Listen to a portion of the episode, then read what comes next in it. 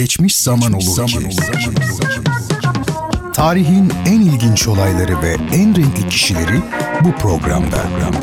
Bertan Rona tarafından hazırlanıp sunulan Geçmiş Zaman Olur ki sizleri her hafta şaşırtıcı konularla dolu bir tarih sohbetine davet ediyor. Geçmiş Zaman Olur ki her çarşamba ve cuma saat 21'de Samsun'un Gerçek Radyosu'nda.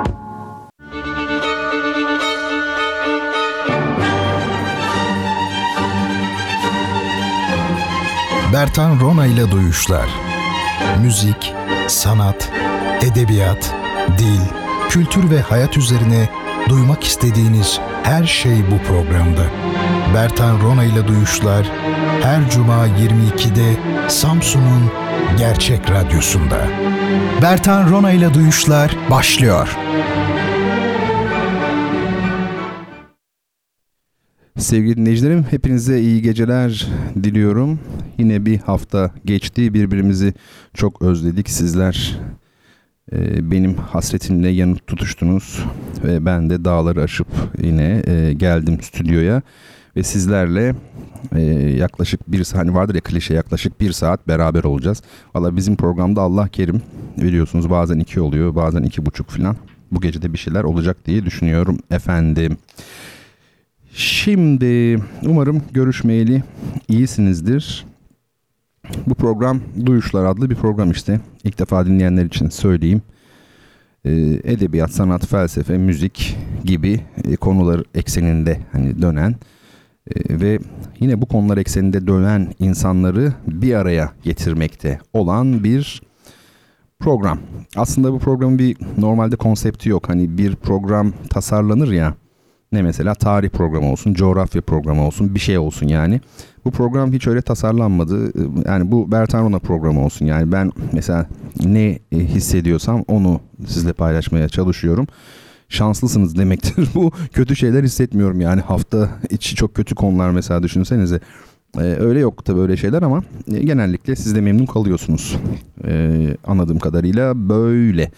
Şimdi yine 3 adet hediye kitabımız olacak. Bunlardan bir tanesi Honor de Balzac'ın Vadideki Zambak adlı çalışması. Fotoğraflarını paylaştım. Nerede paylaştım? Instagram'da Bertan Rona e, adresinde sizle paylaştım. Twitter'da yine Bertan Rona adresindeyim. Bu programda özellikle bu adresi e, aktif olarak kullanıyorum.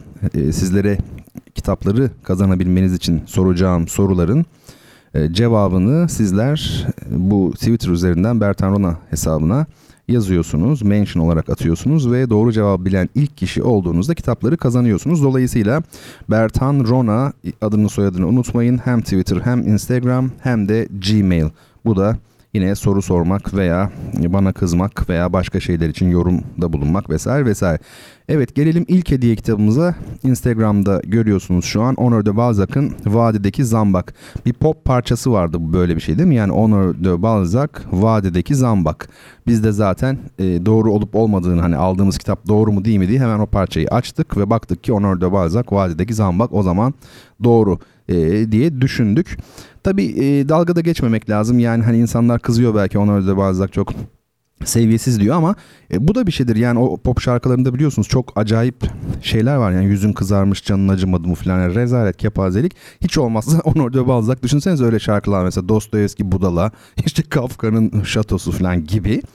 Şaka bir yana muhtemelen orada kafiye bulunmuş. Yani Honor de Balzac Vadideki Zambak buldum falan gibi bir şey var. Neyse ikinci kitap Edip Ahmet Yükneki'nin Atabetül Hakayık biliyorsunuz e, lise yıllarında hala okutuluyor mu bilmiyorum. Hepimize değil mi Türk klasiklerinden biri olarak e, okutmuşlardı. E, üçüncü kitap ise Bertan Rona'nın İstanbul Koşukları adlı kitabı. Kazanmanızı pek tavsiye etmem içeriği itibariyle. Bence kazanmayın onu. Mesele bu. Şimdi bu arada kitabımız bitti. Yani şöyle bitti. Size hediye edecek kitapları ben toptan alıyorum. Kitabımız bitti. Kitabımız kalmadı. E, gidip benim almam lazım yani bu hafta sonu mutlaka. E, sizin için dövüşeceğimden emin olabilirsiniz kitapçıyla. Ya dövüşme dediğim şey çok güzel değil mi? Dövüştüm sizin için. Şöyle dövüşeceğim. E, benim bir arkadaşım vardı. İsmini vermeyeyim. Bir gün bana dedi ki İstanbul'dayım. Tam 10 sene evvel. Dedi ki abi dedi sen dedi üstüne başına bir şey alalım senin dedi ya böyle dedi olmaz. Hani ben biraz böyle bohem takılıyorum herhalde. Yani hiç umurumda değil sadece okuyorum falan böyle saçlar kabarmış. O zamanlar tabii. Neyse sana dedi bir şeyler alalım falan. Seni dedi zorla ben götüreceğim dedi. Yaptı da gerçekten. Beni zorla bir yere götürdü böyle bir mağazaya. Hani böyle mağazaların ortasında böyle ne deniyor ona? Böyle suntadan tahtadan büyük havuz gibi bir şey yapıyorlar. İçinde böyle tişörtler bir sürü böyle ceketler atılmış falan böyle. Abi bir baktım bir ara arkadaş böyle böyle yaşlı başlı teyzelerle falan beraber onları böyle dirsekleyerek böyle kavga ederek böyle nasıl içeriği karıştırıyorlar böyle hepsi beraber çok yakın arkadaşımdı sağ olsun.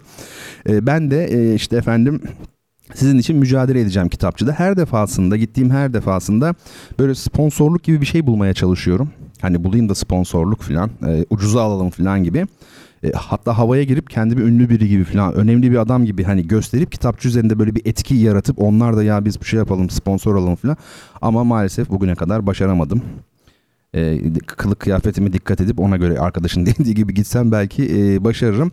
Tabii işin şakası bunlar da e, kitap paralarını e, asıl karşılayan kurum tabii e, Radyo Gerçek. Radyo Gerçek'e e, çok çok teşekkür ediyorum ve sevgili özellikle Teoman Aydoğan'a. O olmasa yani kitap hediye etmeyecek miyiz? Edemeyiz yani ben size söyleyeyim. E, ya da ben cebimden veririm falan yani. Mesele bu. Şimdi e, efendim enstrüman tanıtımı meselesi vardı. Bu e, akşam da üçüncü enstrümanımız olan violonsel, halk arasında violensel olarak bilinen e, enstrümana geldik. E, violonsel ya da cello efendim. Nasıl bir çalgı violonsel? Efendim biliyorsunuz bir yaylı çalgı. Yaylı çalgılar ailesi içinde bir çalgı. Fotoğraflarını görebilirsiniz. Yine Instagram'da sizlerle paylaştım. Ee, violonsel bir tabii biraz böyle tenor bariton gibi bir çalgı ses e, hani çok teknik konuşmayayım ama sesin inceliği ya da kalınlığı açısından böyle söyleyeyim. Tutuluşu da bildiğiniz gibi işte bacakların arasında alınarak e, oturduğunuzda o şekilde çalıyorsunuz. Fotoğraflara bakabilirsiniz. Kitap fotoğraflarının arkasından önce bir violonsel fotoğrafı geliyor önden ve yandan.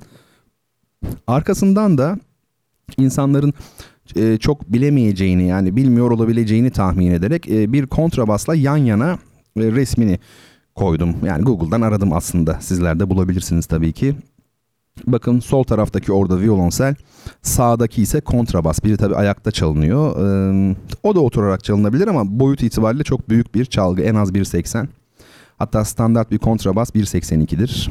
O da başka bir şey. Bu arada e, violonsel nasıl tutuluyor, nasıl çalınıyor bunu sizlere göstermek için e, Google'dan fotoğraf yani görsellerden fotoğraf ararken birdenbire karşıma Jacqueline Dupre çıktı.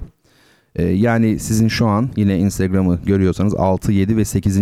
fotoğraflarda gördüğünüz kadın efsanevi e, violonselci Jacqueline Dupre. E, Jacqueline Dupre ile ilgili ne söylenebilir? Hani bazı insanlar vardır böyle alanında çok iyidir mesela efendim mesela bazıları dünyanın en iyisidir. Bunlar tamam amenna ama bazıları böyle bir kereliktir. Yani dünyanın en iyisi olmak değildir mesele. Bir defalık böyle bir daha gelmeyecek olan vardır ya. İşte Jacqueline Dupre öyle bir e, cellisti. Eşi benzeri yoktu gerçekten. O tam hani bu piyasanın tabirleriyle konuşmak istemiyorum kavramlarıyla ama şey derler ya hani e, genius, dahi veya star. Gerçek bir stardı Jacqueline Dupre.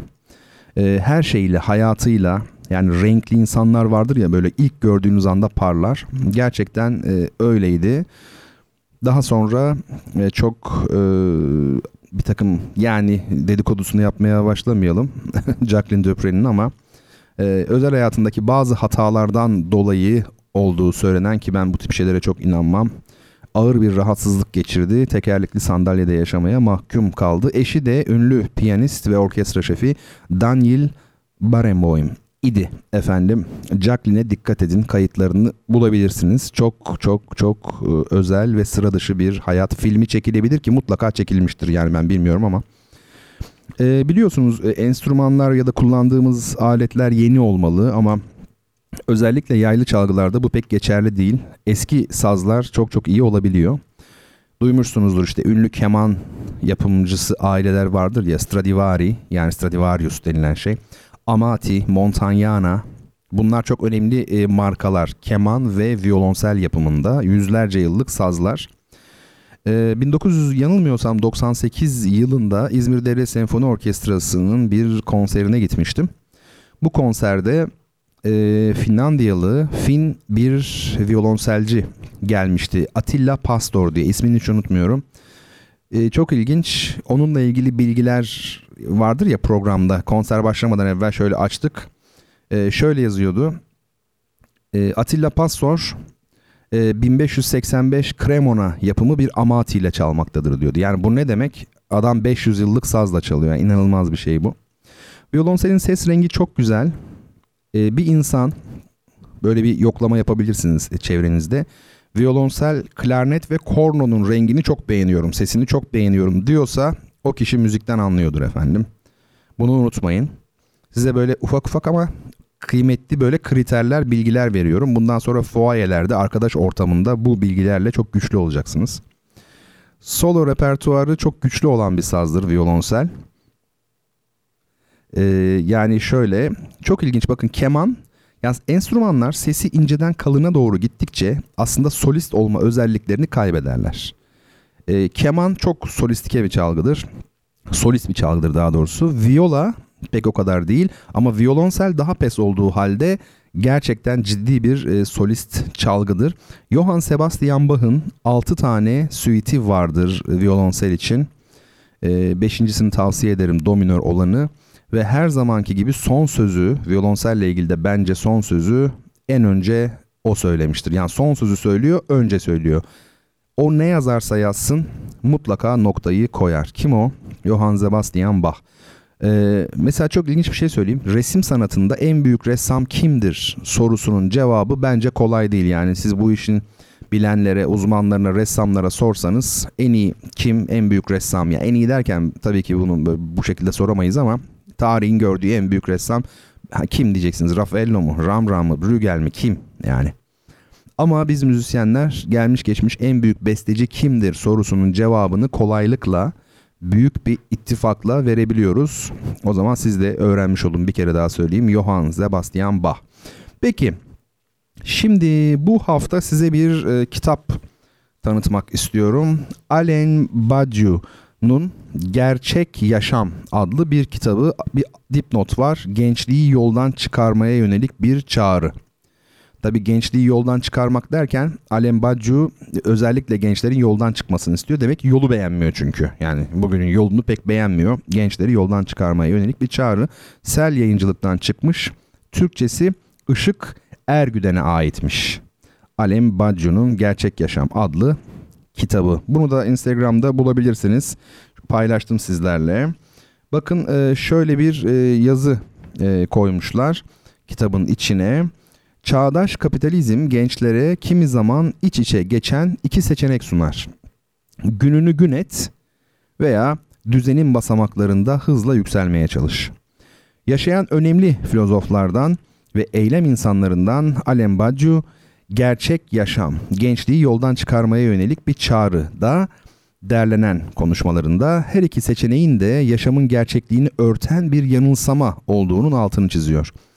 Tıpkı yüzyıllar önce Sokrates'in yaptığı gibi sadece yaşı değil ruhu her daim genç olanlara eleştirel ve özgür düşüncenin kanallarından geçerek hayatın ve hazzın gerçeğine erişmenin ipuçlarını sunarken sistemin çizdiği sınırları da aşmaya davet ediyor. Orta yaşlıların tahakkümü altındaki çağdaş toplumlarımızda adı var kendi yok gençler ile toplumsal hayattan dışlanan yaşlı kuşağın ittifakının devrimci potansiyelleri üzerinde dururken ebedi ergen kalmaya mahkum oğlanlar ile gençliğini yaşamadan kadınlığa hızla adım attırılan kızlara düzenin tuzaklarından kurtulup kendini var etmenin, isyanın, aşkın ve şiirin kapılarını açıyor. Her yaştan gençler için felsefenin kılavuzluğunda eşsiz bir yoldan çıkma çağrısı. Tabii şu da var yani yayın evleri işi biliyor yani neyin para edeceğini bildikleri için işte e, ne, ne bu her yaştan gençler için felsefenin kılavuzluğunda eşsiz bir yoldan çıkma çağrısı. Yani böyle bir şey yazarsanız herkes satın alır mesela. Herhalde öyle bir şey var. Alem Badiou'yu biliyor musunuz? 1937 doğumlu felsefeci, romancı ve oyun yazarı. Paris'teki Uluslararası Felsefe Okulu'nda ya ben beğenmedim şu ana kadarki anlatışım. çok havaya girmiş gerçek böyle hani radyocu olmuş gibi oldu. Ben de olmak istemiyorum. Doğallığımı kaybetmek istemiyorum. Bir baktım böyle hızlı okuyorum her şey hazır gibi filan. Neyse onu da kendiniz araştırın işte. Alem Baccu. Ee, internette bakın ama size şeyi söyleyeyim bu kitabın içindekiler bölümünü e, sunuş kısmından sonra günümüzde genç olmak anlam ve anlamsızlık bu birinci bölüm. İkinci bölüm oğlan çocuklarının çağdaş yazgısına dair. Bence bu biraz kötü bir çeviri. Oğlan çocuğu derken delikanlıların demek istiyor. Çünkü gençlik gençlik diyor birden oğlan çocuğu olmaz. Üçüncü bölümde kızların çağdaş yazgısı hakkında demiş. E, bence dikkate değer bir kitap öyle görünüyor. Alem Baccu'nun kitaplarından bazılarını herhalde biz tanıtmıştık e, programımızda. E, bu da onlara bir ek olsun. E, hep beraber okuyalım yani benim de biraz okumaya e, zaman ayırmam e, gerekiyor. Şimdi bir müzik arası vereceğim ama bu çalınacak olan parçalar nedir? Size ondan kısaca bahsedeyim. Şarkı dinleyeceğiz. Bildiğiniz şarkı ama sanat şarkısı. Hani sanat müziği meselesi var ya onun gibi. Hani bazen de şey diyorlar sanat müziği ne demek? Sanat olmayan müzik mi var? E Buongiorno var tabi. Sanat hatta sanat olan müzik çok az yani. Bütün dünyada yazılan müziğin yüzde biri sanattır. Yüzde 99'u sanat değildir. Ben size birkaç örnek vereyim, isim söyleyeyim, dinleyin bakın sanat mı değil mi yani. O yüzden sanat müziği, sanat şarkısı bunlar doğru e, tabirler. E, sanat şarkısına Almanlar Lied demiş. Yani Alman geleneğindeki biz güzel şarkılara Lied diyoruz. Büyük şairlerin sözleri üzerine piyano eşlikli bazen bariton bazen soprano'nun söylediği güzel şarkılar. Schumann, Schubert, e, Wolf büyük e, kompozitörler. Şimdi dinleyeceğimiz e, parçaları Matthias Görne diye bir Alman Alman aslında Fransızca Alman demek lazım. Bir Alman şey bütün dünya onlara ne diyor? Mesela German diyor. Değil mi? Kendileri kendilerine Deutsch diyorlar. Biz onlara Alman diyoruz. Çünkü Fransızlardan almışız. Onların söylediğini söylüyoruz. Her kavmin, her milletin bir iç ismi vardır, bir dış, is dış ismi vardır. Japan. Bütün dünya Japon diyor. Onlar kendilerine Nippon diyor mesela. Böyle bir şey. O bakımdan e, yani söyledim aklınızda bulunsun. Matthias Görne bariton ve piyanist e, Vladimir e, Ashkenazi Matias Görne için çok teknik bir şey söylersem yani bence yeri değil bu programda ama e, en azından bir cümle söyleyeyim. Sesi sanki biraz geriden geliyor gibi söylerken. Normalde bir e, şan tekniğiyle söyleyen bir insanın sesi bu kadar geriden gelmemeli. Şan bilen, iyi şan bilen bir insan bundan rahatsız olabilir. E, ama e, ses rengi çok güzel. Belki oradan kapatıyor ve çok güzel interpretasyon yani yorum var. Belki o iyi. E, piyanist kim? Piyanist tarihin gördüğü, 20. yüzyılın gördüğü en büyük piyanistlerden birkaç tanesinden biri Vladimir Ashkenazi. Onunla ilgili ayrı bir programda konuşmak lazım belki. Gerçekten e, Sovyetler Birliği'ndeki geçmişi, e, yaşadıkları öyle sansasyonel hikayeleri var ki şu an İzlanda vatandaşı 1999 senesinde orkestra şefi olarak e, Efes'e gelmişti. Solist Zabina Mayer'di. Bunlar hep efsanevi isimler tabii. E, Berlin Filarmoni Orkestrası gibi orkestrada normalde kadın olmaz. Yani bu, bu orkestralar Avrupa orke büyük orkestraların geçmişinde salt erkeklerin çaldığı orkestralardır.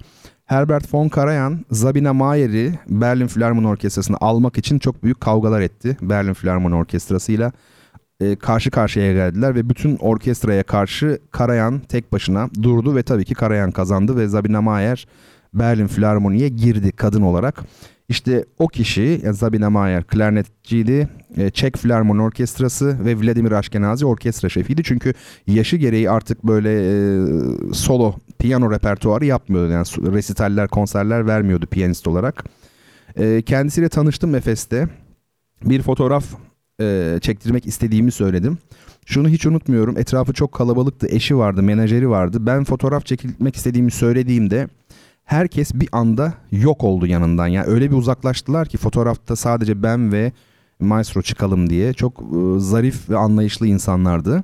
Ve e, arabasına gidene kadar yaklaşık bir 100 metre 150 metre e, Vladimir Ashkenazi ile sohbet ettim. Ben tabii konservatuar öğrencisiyim o zaman. Bazı şeyler sormuştum. E, o da çok samimi sağ olsun e, cevaplar verdi. Vermeyebilirdi o yorgunluğun üstünde. Benle konuşmayabilirdi bile. E, böyle bir anım var. Efendim lead şarkı demek. Bir de lead çevrimi var. Ne demek bu? Mesela siz Schubert'siniz veya Schumann'sınız. Şarkı bestelemek istiyorsunuz. Biliyorsunuz Schubert, Schumann bir yani Alman romantizmi ya. Yani şarkı bestelemek için ne yapıyorsunuz? İşte aşk üzerine şarkılar mesela diyelim ki ve bunu da diyelim ki büyük bir şair kim olsun? Heinrich Heine ya da Mörike ya da Goethe. Büyük Alman şairlerin e, şiirleri içerisinden seçtiniz. Kaç tane seçtiniz? 10 tane veya 12 tane. Adına da dediniz ki Heine şarkıları. Hani benim şiirlerim üzerine yazılan Rona şarkıları vardı ya aynen onun gibi Heine Lieder mesela diyebilirsiniz. Efendim şimdi Schumann üzerine Alman romantizmi üzerine saatlerce konuşmayalım. Ee, sabahlama programı bu değil çünkü onu yapacağız inşallah. Ama şunu söyleyelim Schumann hayatta e, tek bir kadını sevdi. O da Clara. Eşi Clara'ydı. Bu e, tarihin gördüğü en büyük lied bestecisi belki Schubert ve Schumann'dır. Schubert'ten sonra. Ve Schumann bu şarkıların hepsini Clara için yazmıştı. Şimdi ben şöyle bir şey düşündüm. Kısa bu liedler. Üç tanesini arka arkaya. Bir potpourri yani Fransızcadır ya potpourri. E, hızlı yavaş ne? Hayır yavaş hızlı yavaş gibi bir sıra mı yaptım? İşte bir şey yapmaya çalıştım. Siz bakarsınız. Birinci parça Im wunderschönen Monat Mai. Ne demek? Aşk ayı Mayıs'ta. Öyle bir şeyler olmuş işte. E, Schumann efendime söyleyeyim. Daha doğrusu Heine çünkü şiiri yazan Heine bunları anlatıyor. E, bir dinleyin böyle gerçekten son derece içli, tertemiz, Aşkenazi'nin çok güzel çaldığı ve belli ki Matthias Görne'yi çalıştırdığı yani sadece piyanist çalmaz tabii ki yani Vladimir Aşkenazi gibi büyük bir piyanist, orkestra şefi solisti çalıştırır. Güzelce şöyle söyle, burayı böyle yap diye. Gerçekten incecik, pırıl pırıl bir e, yorum olmuş. Ben Aşkenazi'nin piyanistliğini çok beğenirim. Çok ama çok beğenirim. Fakat piyanosunun tonunu sevmem. Yani bazı piyanoların renkleri çok parlak olur. Aşkenazi özellikle seçiyor öyle piyanoları.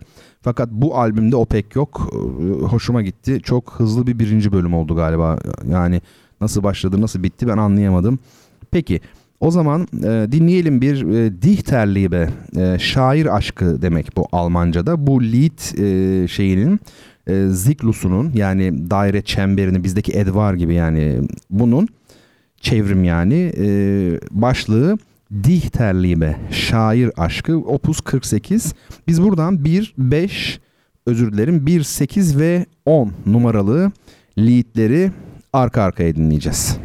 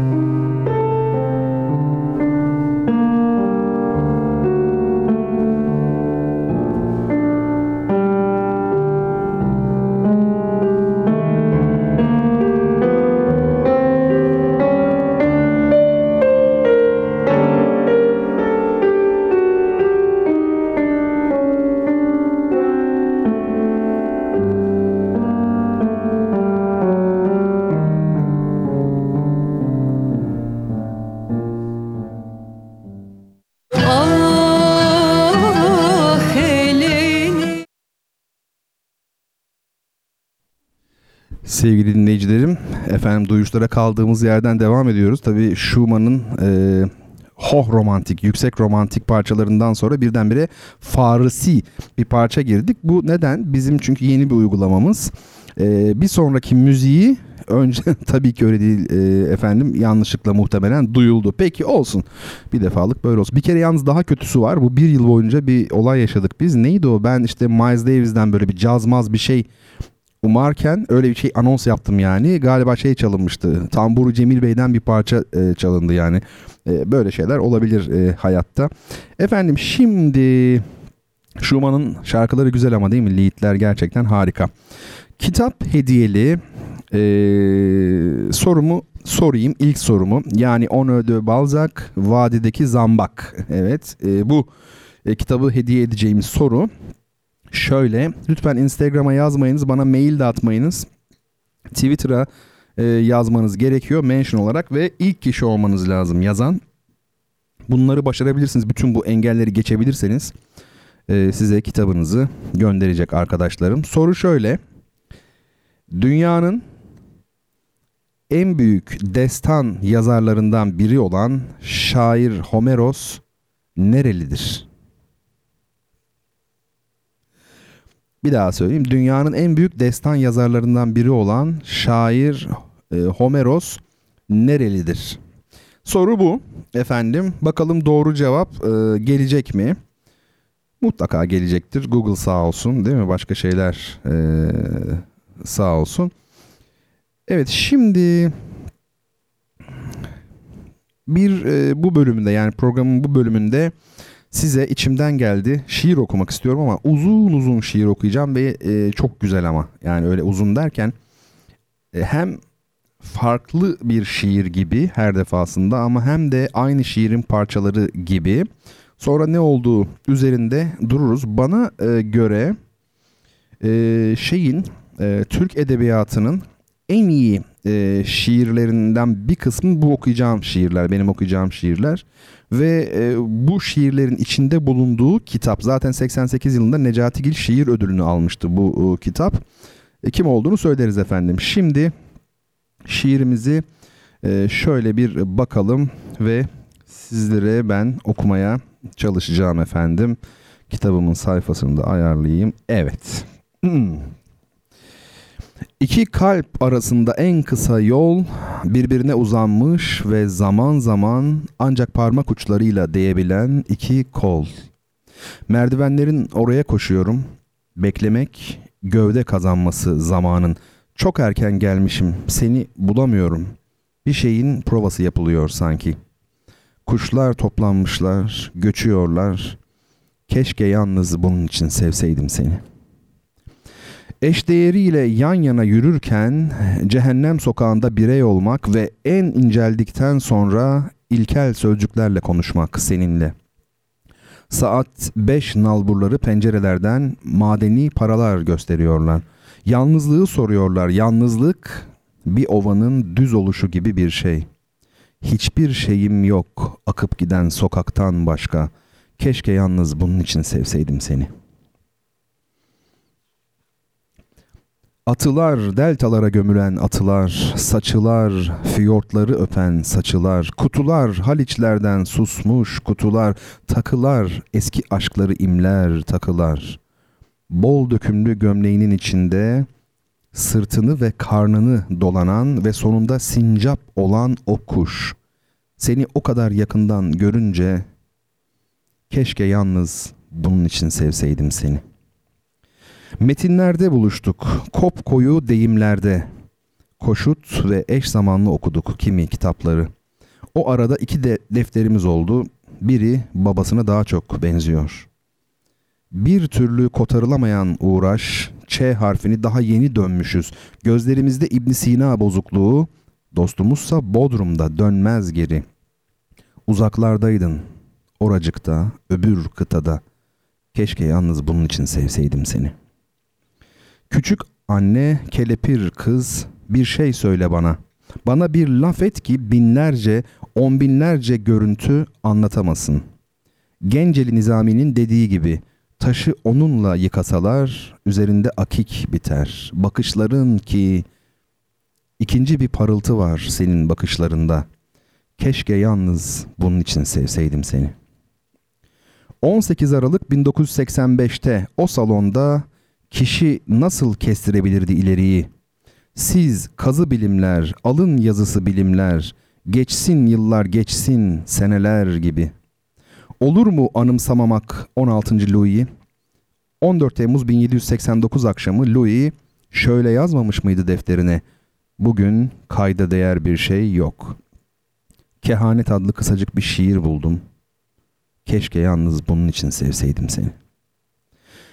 Hiçbir semtte berberin olmadığı 1954-1980 yılları arasında 26 yılda 28 ev değiştirdin. Leke kuşağı nasıl bilmez seni?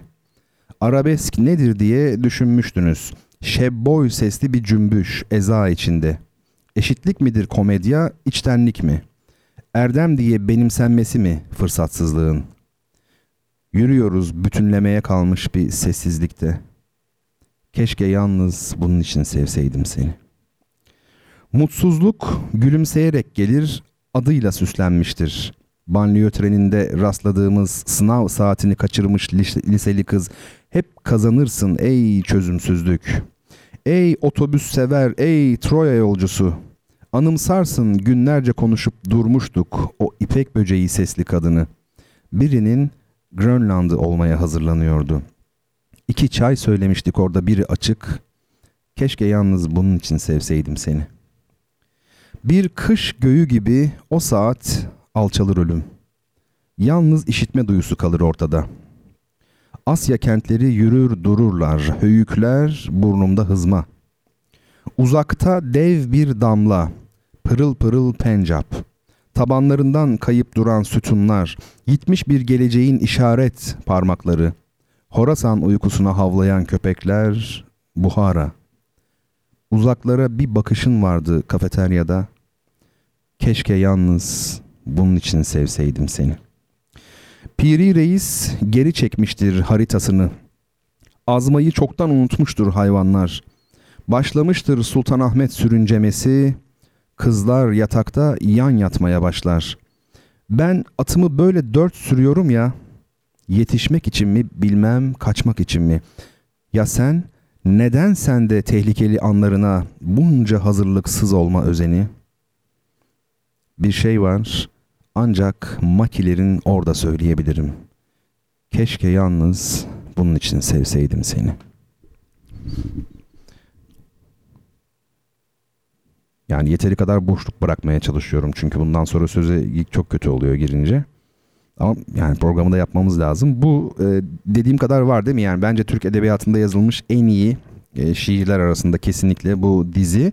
Bu da bir dizi yani lead dizisi gibi. Ne bu? Cemal Süreyya'nın 1988 tarihli Güz Bitiği adlı kitabı e, ki e, dediğim gibi Necati Gil şiir ödülünü kazanmış bir kitap. Herhalde Türk edebiyatında hiç duyulmamış bir sound ses vardı bu bu şiirlerde ilk defa yani inanılmaz.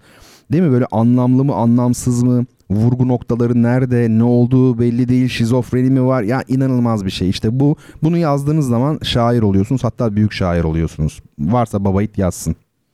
Benim çok e, sevdiğim bir e, arkadaşım var. Sevgili e, Mustafa Kemal Aydemir.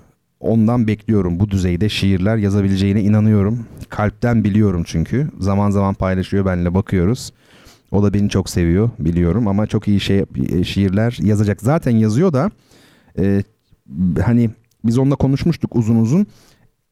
Orada konuştuğumuz sorunlardan bir tanesinin cevabı burada. Çıta nerede? Çıta burada işte. Yani e, biraz ürkütücü belki ama Cemal Süreyya'nın koyduğu bir çıta. Neyse e, yazacağına inanıyorum sevgili Mustafa Kemal. Bekliyorum yeni çalışmalarını. Evet şimdi e, acaba doğru cevabı yazan oldu mu? Olmayabilir çünkü bu soru biraz garip bir e, soruydu. Bir bakalım şimdi cevap geldi mi diye. E, Mualla Sözen demiş ki İonya. Betül Sözen demiş ki İonyalı. Burcu Ece Korkmaz demiş ki İzmir. Evet sevgili dostlar doğru cevap İzmir. Yani size e, Homeros'un nereli olduğuyla ilgili uzun uzun anlatabilirim, konuşabilirim. Ama şöyle söyleyeyim antik çağda 7 şehir Homeros'un e, hemşerileri olduğunu iddia ediyordu. Diyorlardı ki hani e, efendime söyleyeyim e, Homeros burada doğdu, burada doğdu. Fakat bilim adamlarının günümüzde yaptığı araştırmalar kolofon yani değirmendere, sakız e, şey adası yani sakız adası bir de e, İzmir bu üç adayın çok kuvvetli olduğunu gösteriyor. Fakat yapılan nihai çözümlemeler Homeros'un neredeyse kesin diyebileceğimiz bir şekilde İzmirli olduğunu hatta Melez çayının kıyısında doğmuş olduğunu söylüyor. İzmirliler bilirler hani altın yoldan otobüs geçerken e, belki yaşı belli bir noktada olanlar bilir bir çok kötü e, söyleme sayıp bir koku olurdu. Yani gerçekten yani İzmir'e yakışmayan bir kanalizasyon af buyurun kokusu. O çay Melez çayı körfeze dökülen işte Homeros'un doğduğu nokta aslında 3 aşağı 5 yukarı. Meryem Betül Koçak İyonyalı demiş. Ee, Kamer Avşar Sakız Adası demiş. Bakın işte evet benim söylediğim mesele. Öyle iddialar da var çünkü. Mualla Sözen de Simirna demiş ayrıca çünkü eski ismiyle yazmış. Şimdi burada şunu söyleyeyim. Bazen e, doğru yetmiyor. Yani doğru çok enteresan bir şey. Mesela e, şimdi Betül Hanım, Meryem Betül Koçak İyonyalı demiş. E, yalan mı diyelim yani şimdi yanlış diyemiyoruz değil mi? Doğru İyonyalı ama daha spesifik cevap doğru cevap nokta atışı benim beklediğim İzmir o bakımdan Burcu Ece Korkmaz yılın da dinleyicisi olmuştu. Geçen sene yine şey yapıyor farkını hissettiriyor yani görüyorsunuz. Aportta bekleyip hemen İzmir'i yapıştırdı. Ee, şimdi yalnız bir itiraz var. Sevgili Hüseyin diyor ki kabul etmiyorum ben daha önce yazdım diyor. Ben onu görmedim sevgili Hüseyin nerede o? Doğduğu şehir olarak sormadınız değil mi hocam? Öyleyse eğer İzmirli sanırım demiş. Aha şimdi bu çok ilginç. Ama siz zaten hem Ece hem de sevgili Hüseyin en çok kitap kazanan ve herhalde en centilmen böyle sık sık paylaşan insanlar olduğunuz için e, hiç problem çıkacağını zannetmiyorum. Hakikaten bakarım kim ilk yazdıysa kitabı ona gönderirim sevgili dostlar. Peki başka bir şey var mı? Aa, bu arada sevgili Hüseyin Kör Baykuş yani geçen e, hafta hediye olarak verdiğimiz ve kendisini kazanmış olduğu Sadık Hidayet'in Kör Baykuş adlı romanının ilk sayfasının fotoğrafını paylaşmış. Ve demiş ki kitabı sanki Sadık Hidayet bana bunları okumadan önce fısıldıyormuş gibi bir sonraki cümleyi biliyormuşum hissiyle okuyorum. Çok enteresan. Daha önce böyle olmamıştı ve diyorum ki içimden bu adam benim yerime çok önceden bazı başka şeyleri de düşünmüş olmalı. İşte bir kitabı okuduğunuzda zaten ya bu adam beni tanıyor galiba bu yazar yani diyorsanız orada edebiyatla karşı karşıyasınız demektir. Çünkü nedir edebiyat? insan demektir. Ya edebiyatçı aslında insanı anlatır. E, bunu başardığı oranda da siz böyle duygulara kapılırsınız ama Türkiye öyle enteresan bir ülke ki biliyorsunuz bu ülkede e, roman adı altında yapılan bazı çalışmalar erkeklere mavi kapakla hanımlara e, pembeyle satıldı yani muhteşem değil mi? Mesela düşünsenize Dostoyevski'nin romanlarını da öyle alıyorsunuz mesela. Hanımlar pembe, erkekler mavi alıyor. E, tabii bu ülke bunları gördü. Bu ülke daha neler gördü. Oo. E, dostlar yalnız bana hatırlatın şu kitap meselesini bir bakayım kim önce yazmış diye. Mutlaka Hüseyin öyle söylüyorsa tabii güveniyorum ama bakmam lazım. Ve şimdi ne yapıyoruz biliyor musunuz? Müzik arası vereceğiz. Ee, ama bu müzik az önce size reklamını önden duyurduğumuz yanlışlıkla bir parça. Şimdi adını okuyorum. Adın güzelliğine bakar mısınız? Bir Türk musikisi parçası. Hele nimi mesti geçtem kadehi diger medetkün. Yani hiçbir şey anlamadınız çünkü bu Osmanlı Türkçesi de değil. Bu Farsça. Ee, olağanüstü bir dil Farsça. Yani herhalde dünya üzerinde en sevdiğin dil hangisidir deseler en kuvvetli birkaç adaydan biridir yani Farsça çok severim çok köklü, karakterli, edebi ki şiir dili bir kere her şeyden evvel değil mi? Yani şiir deyince aklımıza ne geliyor? Tamam. Ee, cahiliyet devrinde daha öncesinde de güçlü bir Arap şiir geleneği var. Çok güçlü. Muallakatü Seba var mesela değil mi? Lebit Ben Rebiya büyük şairler bunlar. Ama e, Farsça şiir dili olarak gerçekten eşsiz, çok yumuşak. Sebepleri var bunun. Teknik sebepleri var. Onları da bir başka programda konuşuruz belki. Şimdi sevgili dinleyicilerim Şimdi şunu söyleyeyim burada. Bu e, eser bizim has musikimiz yani bizim bildiğimiz Türk musikisi ama sözler Farsça. Şimdi bu nasıl bir şey? Bunu nereye koyacağız? Şunu söyleyeyim. Eskiden din varken, ha bugün var mı? Bugün bence yok. Yani din varken dediğim dinin feodal toplumda yaşadığı, hala nefes alıp canlı, gerçek olduğu dönemlerden bahsediyorum. Bugün karikatür yaşıyoruz bence. Bu dönemlerde yani tevhid esası e, her tarafa hakimken öyle diyeyim ben. Yani toplumsal yapıya kadar hakimken e, o zaman Arap o zamanlarda yani Arap, Fars veya Türk diye bir ayrım yoktu diyeceğim. Yani şöyle vardı ama kısmi bir ayrımdı bu. Yani e, millet, unsuriyet ya da efendime söyleyeyim kıllet fikri yoktu. Yani e, ne demek bunlar şimdi? Unsuriyet ne demek? Bizim bildiğimiz millet manasında. Bu düşünce yoktu. O günün dünyası yani ümmet dediğimiz bir anlayış var ama sebep sadece bu değil. O dönemdeki ekonomik yapı, sosyoekonomik yapı zaten millet kavramına izin vermiyor. Yani kapitalist ortak pazar oluşmadan ulus devlet olamaz zaten. Bir uluslaşma sürecinden söz edemeyiz. Dolayısıyla o dönemde millet kavramı yoktu. Şimdi o nedenle bizim hani kültürümüzde sözlerin Farsça, Arapça veya Türkçe olmasının hiçbir önemi yoktur. Mesela Mevlana zaten bu sözler Mevlana Hazretlerinin. Yani hele nimi mesti geçtem kadehi diger medetkün. Ee, Mevlana tek kelime Türkçe yazmamıştır. Ana dili Farsçaydı. Peki bu Türkiye'deki siz insanlara bugün sorsanız yani Mevlana böyleymişler şaşırırlar çoğu. Çünkü bilmezler yani Türkçe fark yok. E, Ahmet Necat Türkiye'ye gelmişti hiç unutmuyorum. Konya'yı galiba ziyaret etti dediler ki yani böyle böyle Mevlana için hani Türkçe, Farsça, Türk mü? Ne dedi biliyor musunuz? Çok güzel bir cevap vermişti. Ee, öyle bir zattı ki dedi e, hiçbir millete onu sığdıramayız dedi. Yani Fars demenin de bir anlamı yok, Türk demenin de bir anlamı yok. Bunların üstünde. O dönemin anlayışı da böyle zaten. E, bu topraklarda bu yoktu. Bu özellikle Avrupalılarda vardır. Yani e, kapitalizmin erken e, neşvü nema bulduğu denizciliğin, e, coğrafi keşiflerin ön planda olduğu ve bunlardan dolayı da uluslaşmanın yani o kutsal Roma Germen İmparatorluğundan kopup parçalanıp işte İngiltere, Danimarka biliyorsunuz kiliseler bile ulusal kiliseler. İngiltere Kilisesi, Milli Kilisesi yani Danimarka Ulusal Kilisesi falan evangelik bilmem ne şu bu. Dolayısıyla protestanlık da zaten biraz budur. Yani Katolizmden kopmak ne demek? Konteksten kopmak anlamına gelir. Kontekst tevhid demektir. Yani sosyal, ekonomik karşılığı da dahil olmak üzere. Şimdi mesela size bir şey söyleyeceğim. İstiklal diye bir kelime var. Herkes biliyor. Evet. Kökü ne? Kıllet.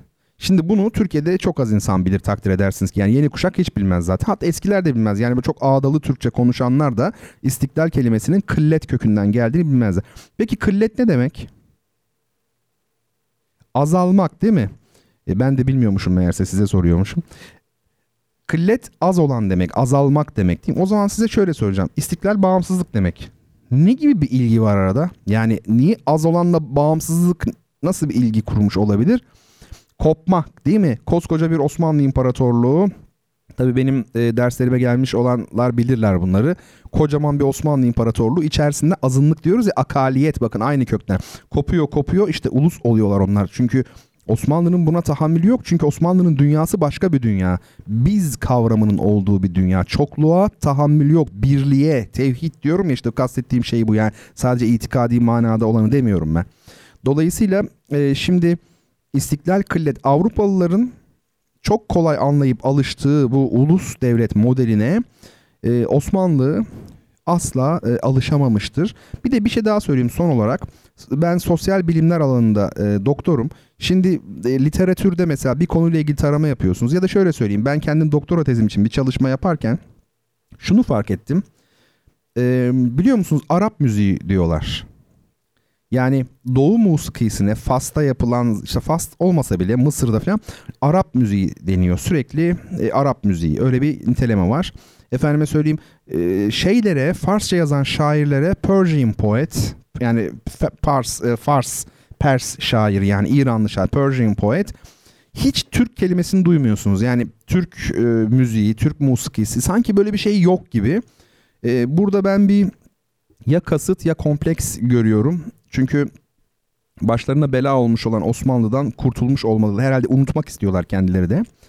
E, burada bizim e, buna e, çıkıp hayır diyebilmemiz lazım. Ne demek Türk musikisi yok? Türk musikisi var. Çok da kuvvetli.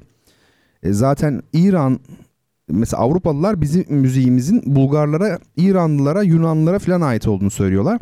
Aslında Bulgar müziğine benzemesi, İran müziğine benzemesi mümkün mü? Yani aynı müziğin ne kadar farklı değil mi? Bu neyi gösteriyor? O toprakların aslında bu topraklardan biraz da musikiyi aldığı ve her şey karşılıklıdır zaten.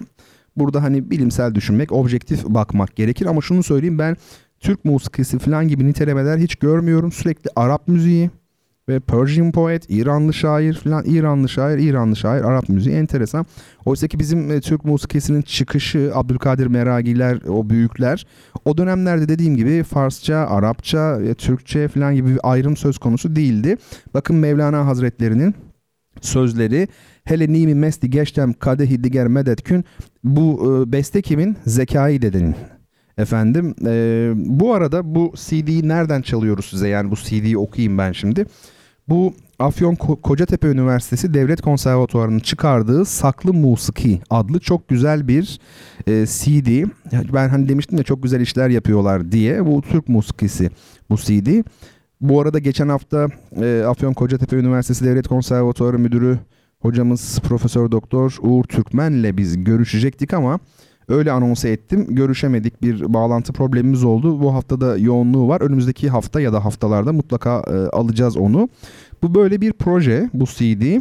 Şimdi bu CD'de kimler yer almış? Bir kısmı benim tanıdığım arkadaşım olan insanlar.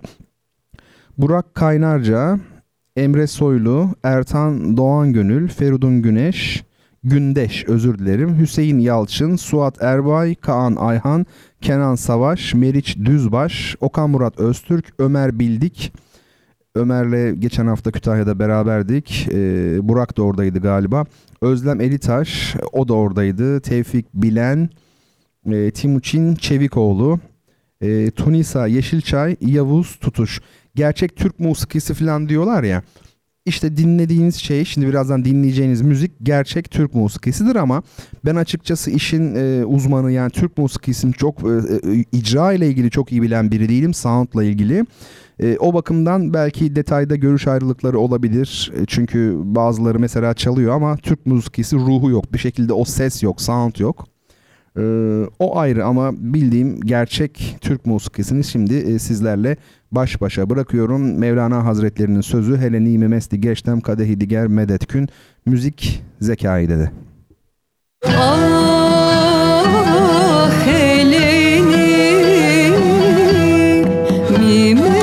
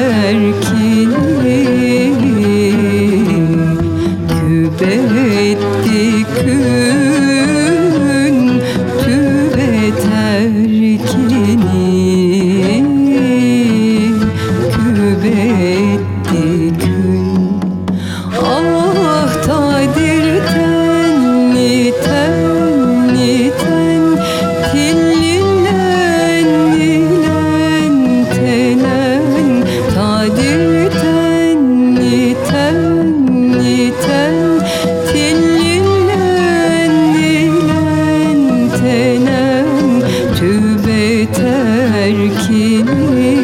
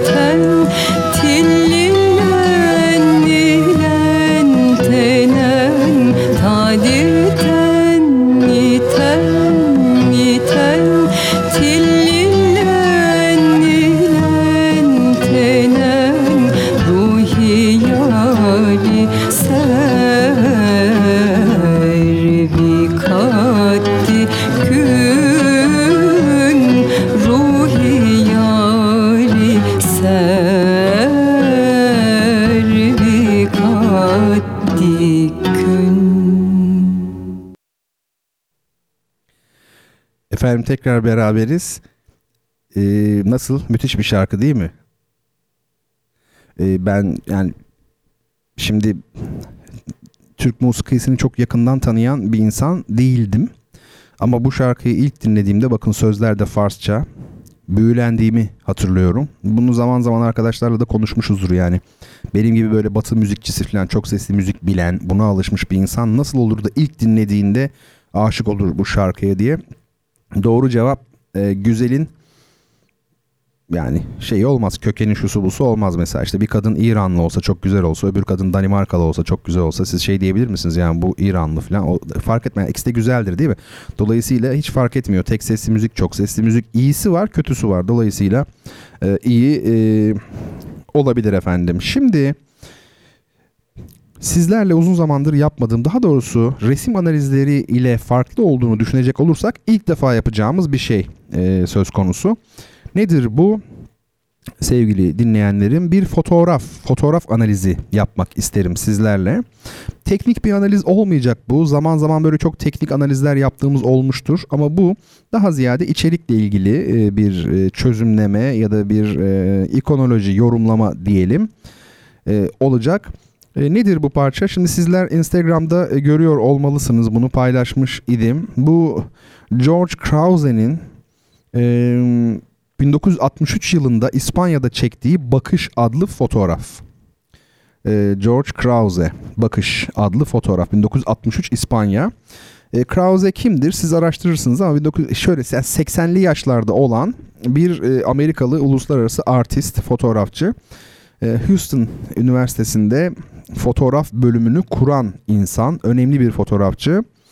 Şimdi fotoğrafa şöyle bir e, baktığımız zaman ben de açmaya çalışayım kendi önümde. Yani ben de böyle atmasyon konuşmayayım. Şöyle bir beraber baka baka e, gidelim.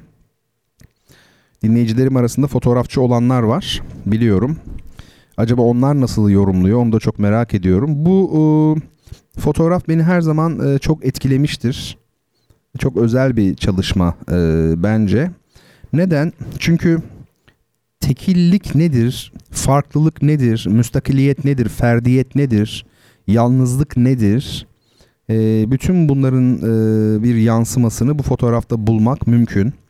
Burada gördüğünüz gibi dört tane çocuk var. Aslında beş var. Sağda bir bakın. Değil mi? Bir yarım böyle görünen bir kafa var.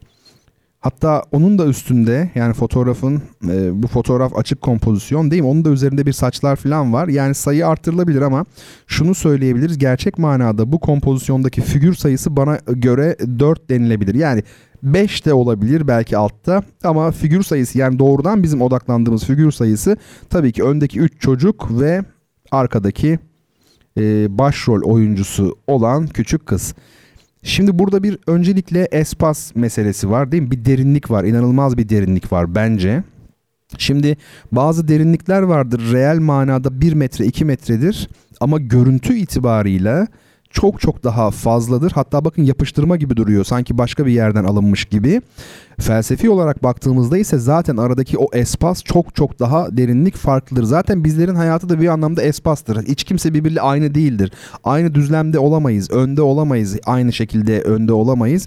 Bazılarımız bazılarından daha derindir, daha çok dikkat çeker, daha uzaktadır, daha farklıdır, daha tekildir.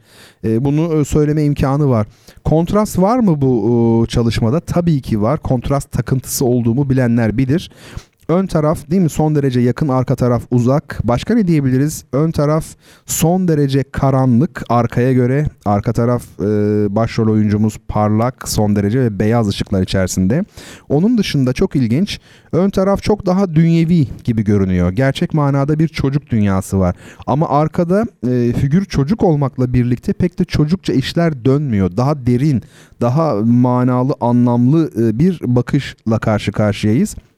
Ve şimdi size e, en önemli tespitlerimden bir tanesini söyleyeceğim. Öndeki 3 çocuk bize kadrajda yani e, daha yakın olsalar da çok daha yakın görünseler de öbür çocuk uzakta olsa da e, kısmen fotoğrafçının çektiği açı işte espas dedik ışık falan vesaire ama kısmen de bizim bakışlarımızın yöneldiği nokta ve felsefi görüşlerimiz itibariyle biz arkadaki kızın bize çok daha yakın olduğunu görüyoruz.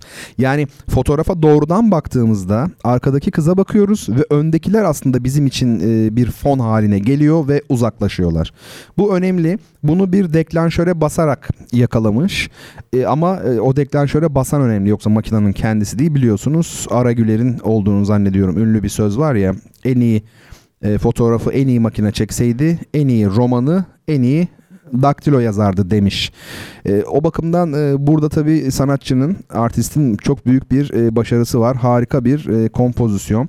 Çocuklardan biri gülüyor, biri dilini çıkarmış, biri böyle çocuksu bir şekilde e, bir taklit yapar gibi kızgınca bakıyor. Ama biz arkadaki çocuğa baktığımız zaman böyle zamanın durduğunu hissediyoruz. Onunla aramızda bir bağ oluyor. Böyle göz göze geliyoruz ve aslında neye benziyor biliyor musunuz? Biraz aşka benziyor bence. Hani öyledir ya aşıklar böyle birbirlerine bakarlar başka her şey yok olur. Aynen öyle bakın doğrudan ona bakın. Her şey bir anda değil mi? Yok anlamını kaybetmiş oluyor. Şimdi daha felsefi bakacak olursak dediğim gibi tekillik, farklılık, müstakiliyet, müstakil olmak. İşte istiklal kökünden kıllet yine aynı yerden gelmiş oldu değil mi? Farklı olmak, ferdiyet Dikkat çok e, teknik denilebilecek bir dini bir şey söyleyeyim. İslami daha doğrusu bir şey söyleyeyim. E, Tabi İslam'da tevhid vardır, tasavvufta tevhid vardır, esastır değil mi? Bütünlük, biz demek, konteksten ayrılmamak diyoruz ama yine ferdiyet makamı müferridun bilenler vardır mutlaka değil mi? Yani ferdiyet sahipleri de vardır tasavvufta. O bakımdan e, yani tas, e, ferdiyeti de bireyselliği de ortadan kaldırmış bir e, anlayış değil tasavvuf. Onun altını çizelim. Bir de benim aklıma şey gelir bu fotoğrafa bakınca. Platon'un işte o meşhur mağara metaforu. Değil mi? Yani metafor tabi resimde alegori belki denilebilir ama daha ziyade mağara metaforu diyelim biz ona. Şimdi e, şöyle mağaradakiler diye bir kitap olsa mesela mağaradakiler var galiba Cemil Meriç'in. Ben de şey düşünmüştüm. E, Türkçe'de var ya bu zetasyon rotasyon meselesi. Yani R'ler ve Z'ler. Oğuz, Oğur. Yani Türkçe'de böyledir ya RZ. Ben de mağaradakilere mukabil mağazadakiler diye bir kitap yazıp çağımız insanının tabii tüketim kültürüyle bir şeyini düşünmüştüm. Enteresan. Neyse konu başka yere geldi. Yani bu Platon e, metaforunda bir tarafta gölgeler bu dünya tabi Platon idealist bir filozof. Dolayısıyla bu ön plandaki e, gölgeleri mağara gölgelerini Platon e, bu dünya hayatı olarak söylüyor ve gerçeğin gerçeğin hakikatin bu dünyada olmadığını söylüyor gölgeler. Yani aslında bütün dinlerdeki bütün e, efendim e, mistik ekollerdeki bu düşüncenin e, temelinde bu manada kronolojik olarak bakarsak aslında Platon var onu söyleyelim Güzel, farklı ve özgür olan uzakta ama aydınlık, çirkin, sıradan olan yakında ve karanlık. Bir de şunu söyleyelim bakın ön tarafta bir yığılma var değil mi? Böyle bir işte o pek özgürlüğe izin vermez dikkat edin. Arka taraf o kadar geniş ki tek başına olursan bu manada istediğini yaparsın. Bu aslında Avrupa e, medeniyetiyle Türk medeniyeti arasında Türk derken Osmanlı'yı kastediyorum.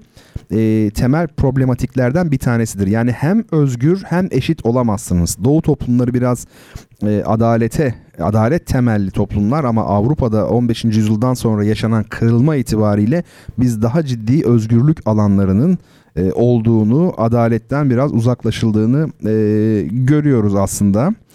Efendim başka ne diyebiliriz? Ha bir de ben şunu söylerim eğer söyleyecek olsam. Arkadaki çocuk bütün ilgimizin ona yönelik olmasına rağmen, ışıkta olmasına rağmen, onunla işte göz göze aşk yaşamamıza rağmen dikkatli bakarsanız çok güzel bir çocuk değil. Yani böyle söylemek istemiyorum. Her çocuk güzeldir ama şu an bir fotoğraf üzerinde konuşuyoruz. Yani böyle çok sempatik değil en azından bunu söyleyelim. Burada belki hani zorlama olacak ama aslında her yorum e, biraz kişiseldir ve biraz uydurmadır. Değil mi? Keyfi, saymaca ya da konvansiyoneldir. E, şöyle söyleyelim. E, bu çocukta aslında şu olabilir. Yani e, hakikat uzakta Değil mi? Bu dünyadaki gölgelerde değil yani öbür dünyada mesela diyelim. Hakikat uzakta ama çirkin görünüyor. Nereden çirkin görünüyor? Bu taraftan çirkin görünüyor. Yani öyledir ya e, bazı şeyler yani biraz zordur, zahmetlidir, yapması güçtür. O bakımdan da çok sevimli gelmez. Ee, ama aslında onun içi çok güzeldir. Ee, bu sanki öyle bir göndermeyle okunabilir geliyor bana. Bir de bir şey daha var. Öndekiler bakın dikkat edin. Bence biraz sesliler. Yani soldaki çocuk zaten gülüyor. Öyle değil mi? Biri dilini çıkarmış. Ya orada bir hırgür var, bir şamata var, bir ses var. Arka taraf çok sessiz gibi. Ses ve sessizlik ilişkisine dikkat etmek lazım. Madde ses çıkarır. Manevi hiçbir şey ses çıkarmaz. Ruh ses çıkarmaz. Düşünce ses çıkarmaz. Bunların e, tamamını e, göz önünde bulundurmak lazım. Keşke şu an karşı karşıya olsak da mesela bunu bir sohbet içerisinde götürsek. Ben böyle hızlı hızlı kendi düşüncelerimi anlatıyorum. Efendim e, belki de e, yazıyorsunuzdur ama. Meryem Betül Koçak hanımefendi demiş ki Itri'nin nevakarını nasıl değerlendirirsiniz hocam? Ya bu kadar olur hakikaten. Az önce bu e, Zekai Dede'nin e, şarkısı üzerine dedim ya ilk dinleyişte aşık oldum diye. Aynı şey aslında daha çok ve daha önce e, Itri'nin nevakarı için geçerlidir. E, Itri'nin nevakarını dinledim artık böyle yani bu nasıl bir şey falan falan diye ve çok acı bir şey söyleyeyim mi? E, sonra Türk musikisi korosunda bakın devlette çalışan e, çok değerli e, Türk musikisi erbabı bir hanımefendi var arkadaşım. E, bu hayranlığımı anlatmak için onların katına çıktım binada yani AKM'de. Ya dedim bu ne kadar güzel bir şey falan filan bana varsa dedim önerilerde bulun şu bu. Dedi ki bana ya Bertancım dedi e, inan dedi bizim kurumda e, bu Itri'nin nevakarını senin gibi sevmeyenler var dedi. Ben hayrete düşmüştüm. Çünkü güzel güzeldir dediğim gibi hiç fark etmez. Bana kalırsa Betül Hanım Itri'nin nevakarı e, Johann Sebastian Bach'ın füg sanatı gibi bir devrin sonu demektir. Sonu ve şahikası yani en yüksek noktasıdır. Ondan sonra artık hep aşağı inilmiştir musiki manasında. Ben hep bunu söylerim buna benzer şeyleri. Bana göre Osmanlı 1922'de değil Yahya Kemal Beyatlı öldüğünde yıkılmıştır. E, bu tür bir şey yani benzetme öyle söyleyeyim. Sevgili Hüseyin demiş ki kültür ve sanata karşı bir vurdum duymazlık var bizde hocam. Sebebi toprak mı yoksa tarihin birikimi mi bilmiyorum ama pek hoş bir huy değil. Ne müziğe ne çalgıya ne yemeklerimize ne de mimarimize hiçbir şeye sahip çıkmıyoruz ki. E, şöyle söyleyeyim çok çok kısa bunları belki konuştuk daha önce çok da uzatmayayım o bağlamda ama aslında bunun sebebi bizim vurdum duymazlığımız değil. Sanat şehirleşmenin olduğu yerde güçlüdür. Ülkemiz henüz şehirleşmesini tamamlayamamış. Daha ziyade feodal, daha ziyade kırsal e, bölgelerden mürekkep bir ülke. O bakımdan yani sanatın e, üretilebilmesi, tutulabilmesi, benimsenmesi, buna değer verilmesi ancak şehirleşme ile olabilir. Avrupa'nın tarihi bunu gösteriyor zaten. Yani bu adamlar da sanata manata bu kadar düşkün değiller. Belli bir dönemde oldular. E peki o dönem neden şehirleşmenin, ticaretin, kapitalizmin geliştiği dönemdi? E, bunu düşünmek lazım. Yoksa bizim milletimiz aslında çok yatkındır güzel sanatlara. Bizdeki kadar zengin bir musiki folkloru hiçbir yerde yoktur. Karadeniz bambaşka bir dünya. Efendim Doğu Anadolu bambaşka, Ege bambaşka, Trakya bambaşka. E, Türk milleti aslında her anlamda çok yatkın. Bizim el sanatlarımız olsun efendim. Çayda çıra mesela. Ben bir gün çayda çırayı düşündüm. Opera gibi bir şey çayda çıra. Konu var. Öyle değil mi? Şey var, koreografi var, dans var, var da var, müzik var. Bildiğiniz opera gibi neredeyse.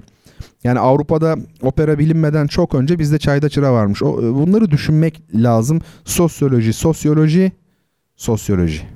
Napolyon Bonaparte hani para para Bertrand da sosyoloji diyor.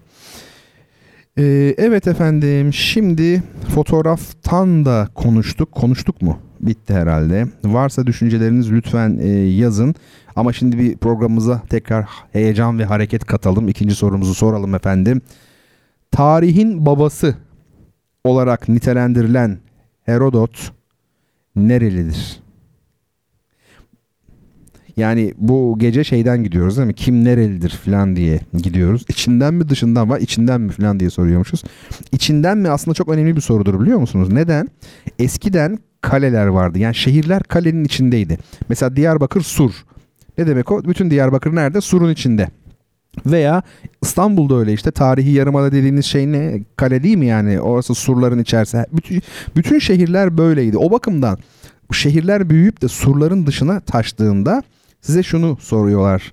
Nere içinden mi yoksa dış kısmından mı diye. Aslında mesele bu son derecede mantıklı. Dünyada da örnekleri olan bir soru. Öyle e, söyleyeyim efendim. Bakalım doğru cevap ne olarak gelecek? Ben de şu an doğru cevapları şey yapıyorum, takip ediyorum. Bir bakayım hatta. Evet. Neyse karışmayayım da siz güzelce ne bol bol yazın. Şimdi sevgili Hüseyin demiş ki hocam bir de Dede Efendi'nin Hüzzam makamındaki ayini şerifini dinleyin.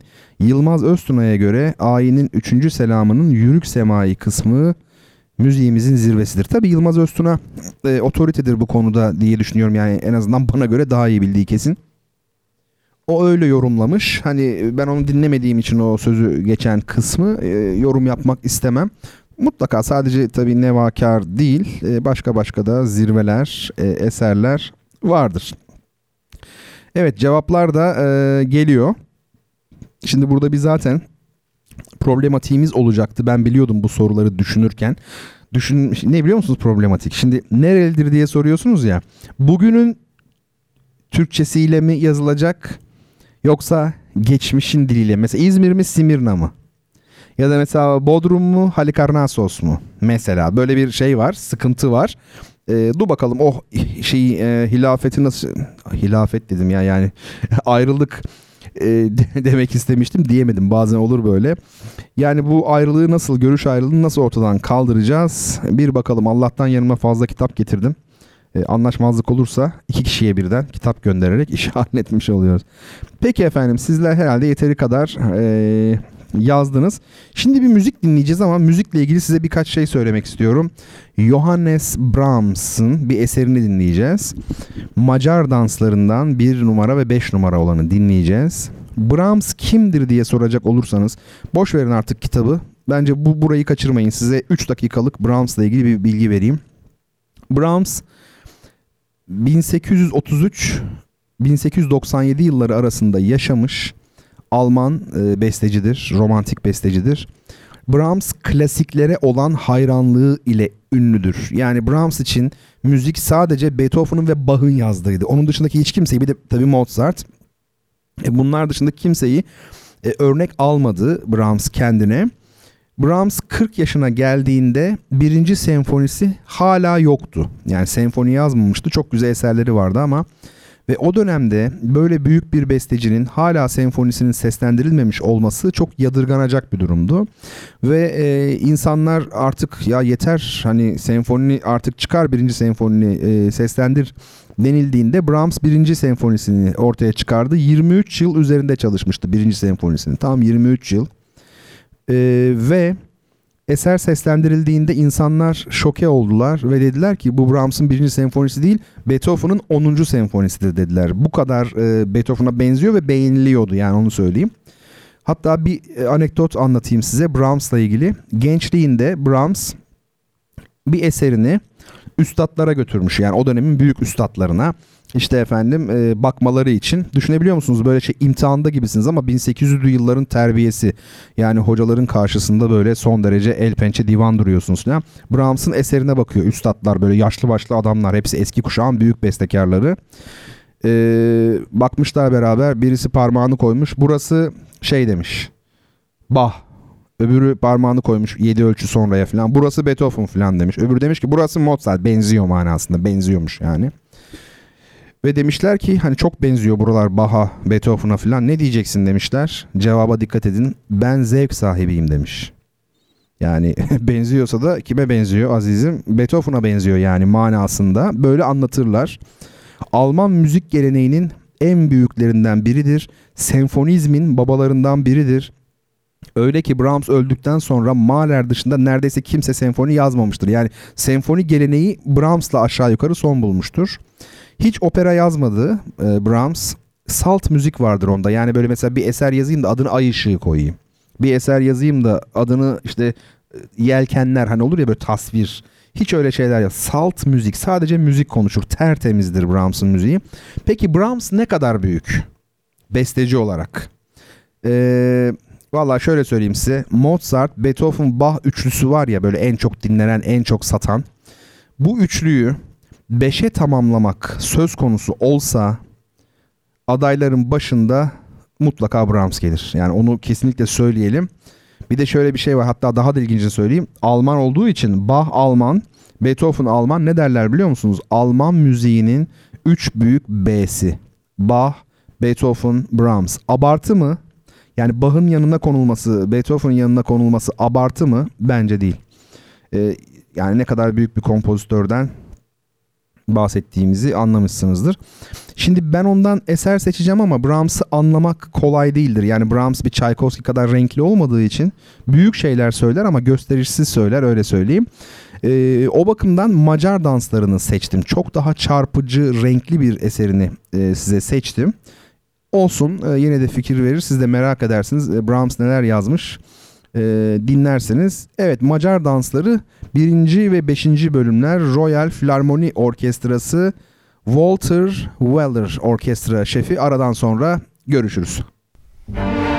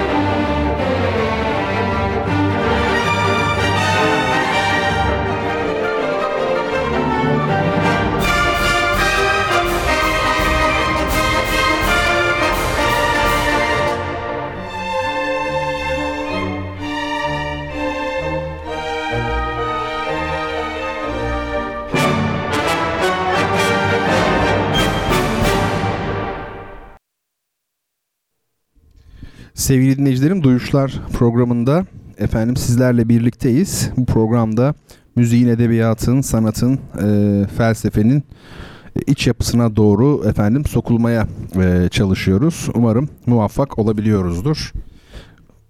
Umarım e, sizleri memnun edebiliyoruzdur. Şimdi şöyle bir e, bakalım. Soru sordum galiba ben değil mi? Evet neydi o soru? Soru şöyle. Hmm, nasıl söyleyeyim? E, tarihin babası hep de babası oluyor. Tarihin annesi falan düşünsenize. E, Herodot'un efendim doğduğu yer yani memleketi neresidir diye sorduk. Şimdi sevgili Fatih Çelik ilk cevabı vermiş. Demiş ki Halikarnas demiş. Bakın şimdi gel de işin içinden çık yani ben ne yapayım? İkinci Betül Sözen hanımefendi Bodrum demiş. Şimdi burada sizce kim kazanmış olmalı hediyeyi. Ben size şöyle söyleyeyim. Ben normalde Türkçe e, karşılıklarını hep istedim. Yani Homeros nerelidir diye bana bir ulu orta sorsa ben Simirnalıdır demem İzmirlidir derim. Belli sebeplerden dolayı. Burada da doğru cevap bence Bodrum. Bir de şu var. Halikarnas diye bir şehir yok aslında. Doğru cevap Halikarnassos. Sonda OS varsa o da Yunanca değildir. Onu da size söyleyeyim. Zaman zaman söylerim. E, o bakımdan sevgili Fatih'in de e, centilmenliğine e, güvenerek e, çok programı sıkı dinleyen çok sevgili dostlardan zaman zaman yazışıyoruz onunla hatta biz WhatsApp'tan. E, sevgili Fatih'i de tanıdığım için ona güvenerek ben bu gece e, bu ikinci sorunun hediyesini sevgili Betül Sözen'e göndereyim derim. Yani öyle söylüyorum. Efendim e, Mualla demiş ki sevgili Mualla heyecandan kendi kendime yazmışım hocam demiş. Acaba neyi kastediyorsun? Ee, Halikarnası mı başka bir şey mi? Kendi kendime yazmışım. Peki pek anlayamadım. Onu sen lütfen aç bana. Rabia Atacan sevgili Rabia umarım her şey yolundadır. Ee, o da bir çalışma e, üzerinde yani bir çalışması vardı. İyi gittiğini düşünüyorum. Hocam barok klarneti ve günümüz ülkemiz klarneti hakkında kısaca bahseder misiniz demiş. Tabii ki konuşuruz. Şimdi barok klarnet derken tam olarak e, neyi kastediyorsunuz sevgili Rabia? Ondan emin olamadım çünkü e, aslında klarnet barok bir çalgı değil. Yani klarnet barok dönemden sonra gelişti. Yapı itibariyle öyledir, tekniği itibariyle. Yani Johann Sebastian Bach döneminde klarnet yoktu. Onun eserlerinde klarnet partisi yoktur. Flüt vardı ama o da bugünkü traverso yan flüt gibi değildi. Yani daha değiş en azından malzemesi değişikti öyle söyleyeyim e, klarnet o anlamda görece yeni bir çalgı. Yani klarnet, efendim trombon bunlar e, organoloji e, ve bu konudaki en azından kronoloji açısından baktığımızda belli bir dönemden sonra gelişmiş e, genç çalgılar diye. Mesela violonsel öyle değil. Attila Pastor başlarken söyledim ya 1585 yapımı Cremona e, bir amati ile çalmaktadır diyor. Yani adamın elindeki çalgı 1585'te yapılmış violonsel. Ama klarnet için böyle bir şey söyleyemeyiz. Çok çok daha yeni bir çalgı. Ama şunu söyleyeyim. Bildiğimiz Batı müziğinde kullanılan klarnetle e, günümüzde Türkiye'de kullanılan, hani Türk musikisinde kullanılan ve gırnata denen klarnet arasında fark var mı? Tabii ki fark var. Fakat bu fark yapısal bir fark değil. Yani otur büyük bir fark değil. Kullanılışı, üslubu. Yani ben mesela her ikisini de e, layığıyla e, çalan öyle söyleyeyim e, arkadaşlarım var benim. Yani bildiğimiz senfoni orkestralarında çalan ama aynı zamanda e, klarnette Türk musikisini de bilen e, insanlar tanıyorum, sanatçılar tanıyorum. E, şimdi artık günümüzde öyle bir şey ki yani siz Avrupa'ya gitseniz tamam çok büyük bir klarnetçiyseniz elbette sıcak karşılanırsınız ama Türk musikisindeki çalım teknikleri, çok özel buluşlar, klarnette bunlar şey çalgılar böyle nasıl gizemli çalgılardır. Yani öyle bir parmak pozisyonu bulursun ki öyle bir yerden basarsın ki bir ses daha rahat çıkar mesela. Birbirlerine de söylemezler kolay kolay. Yani tabii o kişiseldir onu bulmak. Dolayısıyla bu e, Türk musikisindeki bu özel teknikleri Avrupa'da uyguladığınız zaman çok büyük ilgi toplayabiliyorsunuz. Zaten Avrupalılar iki şeyle ilgileniyor. Ya geleneksel musikilerle ilgileniyorlar müziklerle ya da kontemporan müzik istiyorlar yani çağdaş müzik. Siz ya çok çağdaş e, deneysel bir eser yazacaksınız onu orada yapacaksınız ya da Türk müziği yapacaksınız. Yani şunu adam dinlemek istemiyor ki çok haklı. Yani mesela şeye gidiyorsun Avrupa'ya Mozart çalıyorsun. Ya e, zaten seni bekliyordu adam Mozart'tan hiç bilmiyor hayatında yani. E, yanlış anlaşılmasın pek çok piyanist tabii ki çalıyor Mozart'ı efendim e, çok da güzel artık hani millet kavramı yok oldu yani. Şimdi atıyorum İdilbiret Chopin'i Türk olduğu için çalmıyor mu? Çalamıyor mu yani? Öyle şey olur mu? Dünyada en iyi çalanların başındadır İdilbiret.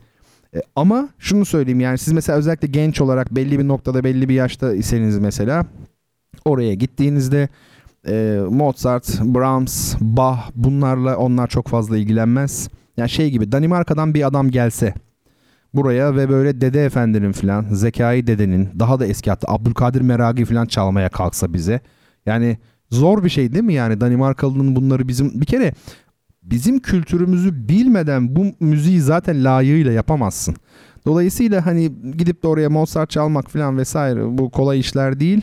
Ee, daha e, multidisipliner çalışmalar artık akademik camiada mesela çok daha fazla ilgi topluyor öyle söyleyeyim. Şimdi şöyle bir bakalım. Ee, hocam diyor klarnetin ha, Rabia yazmış. Hocam klarnetin atası olarak bilinen Şalumo'yu barok klarneti olarak okudum birkaç yazıda. Doğrudur, doğrudur. Şöyle söyleyeyim.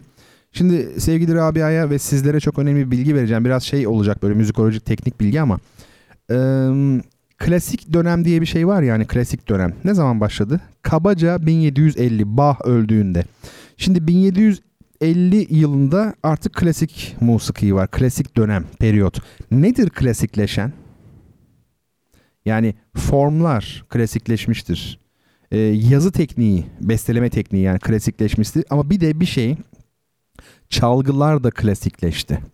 Yani şunu demek istiyorum. 1750'den önce yani Mozart'tan önce siz bir müzik kompozisyonuna baktığınızda e, diyelim ki Bach'ın bir eseri hatta ondan da önceki yapıtları incelediğinizde içinde bugün kullanılmayan hatta bizim adını sanını bilmediğimiz bir takım çalgılar görürsünüz. Mesela Bach'ın bir eserini e, dinlersiniz.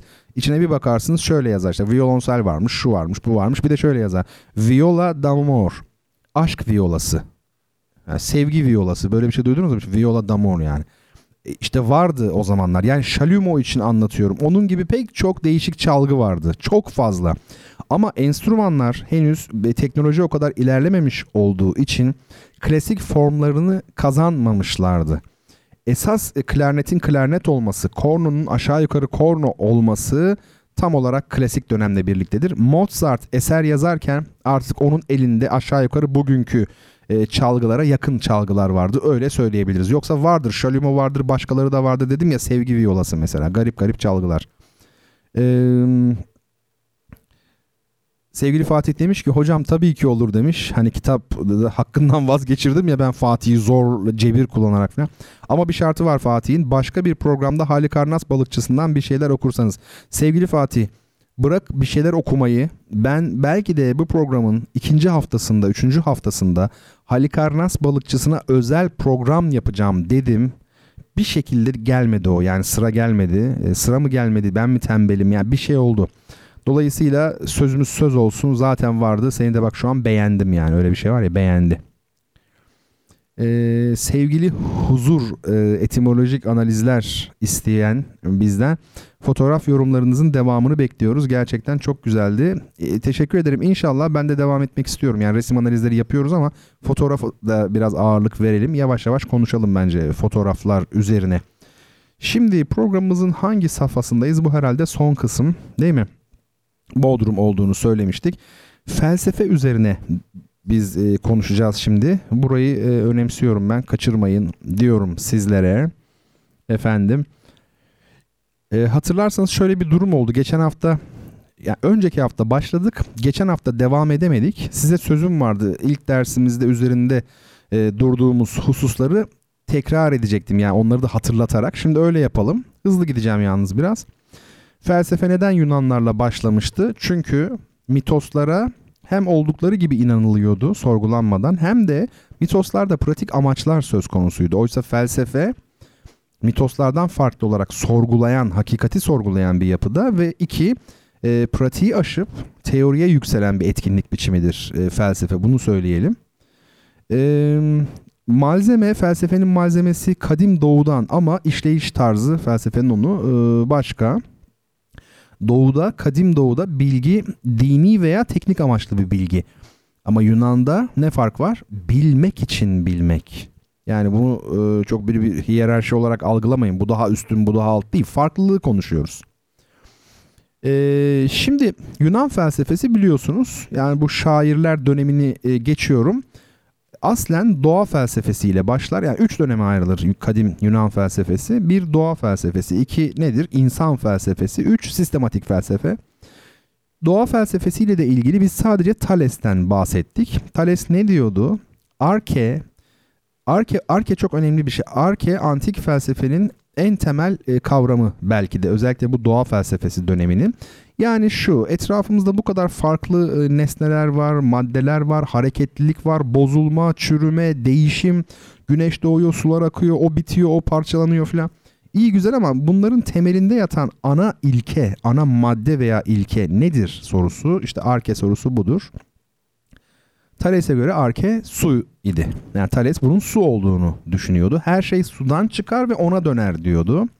Dünyanın Okeanos denilen bir su üzerinde yani okyanus kelimesi de buradan geliyor. Yüzdüğünü düşünüyordu e, Thales. Bunu söyleyelim. E, şimdi Thales e, mitolojiyle bağını koparmış bir e, düşünür değil.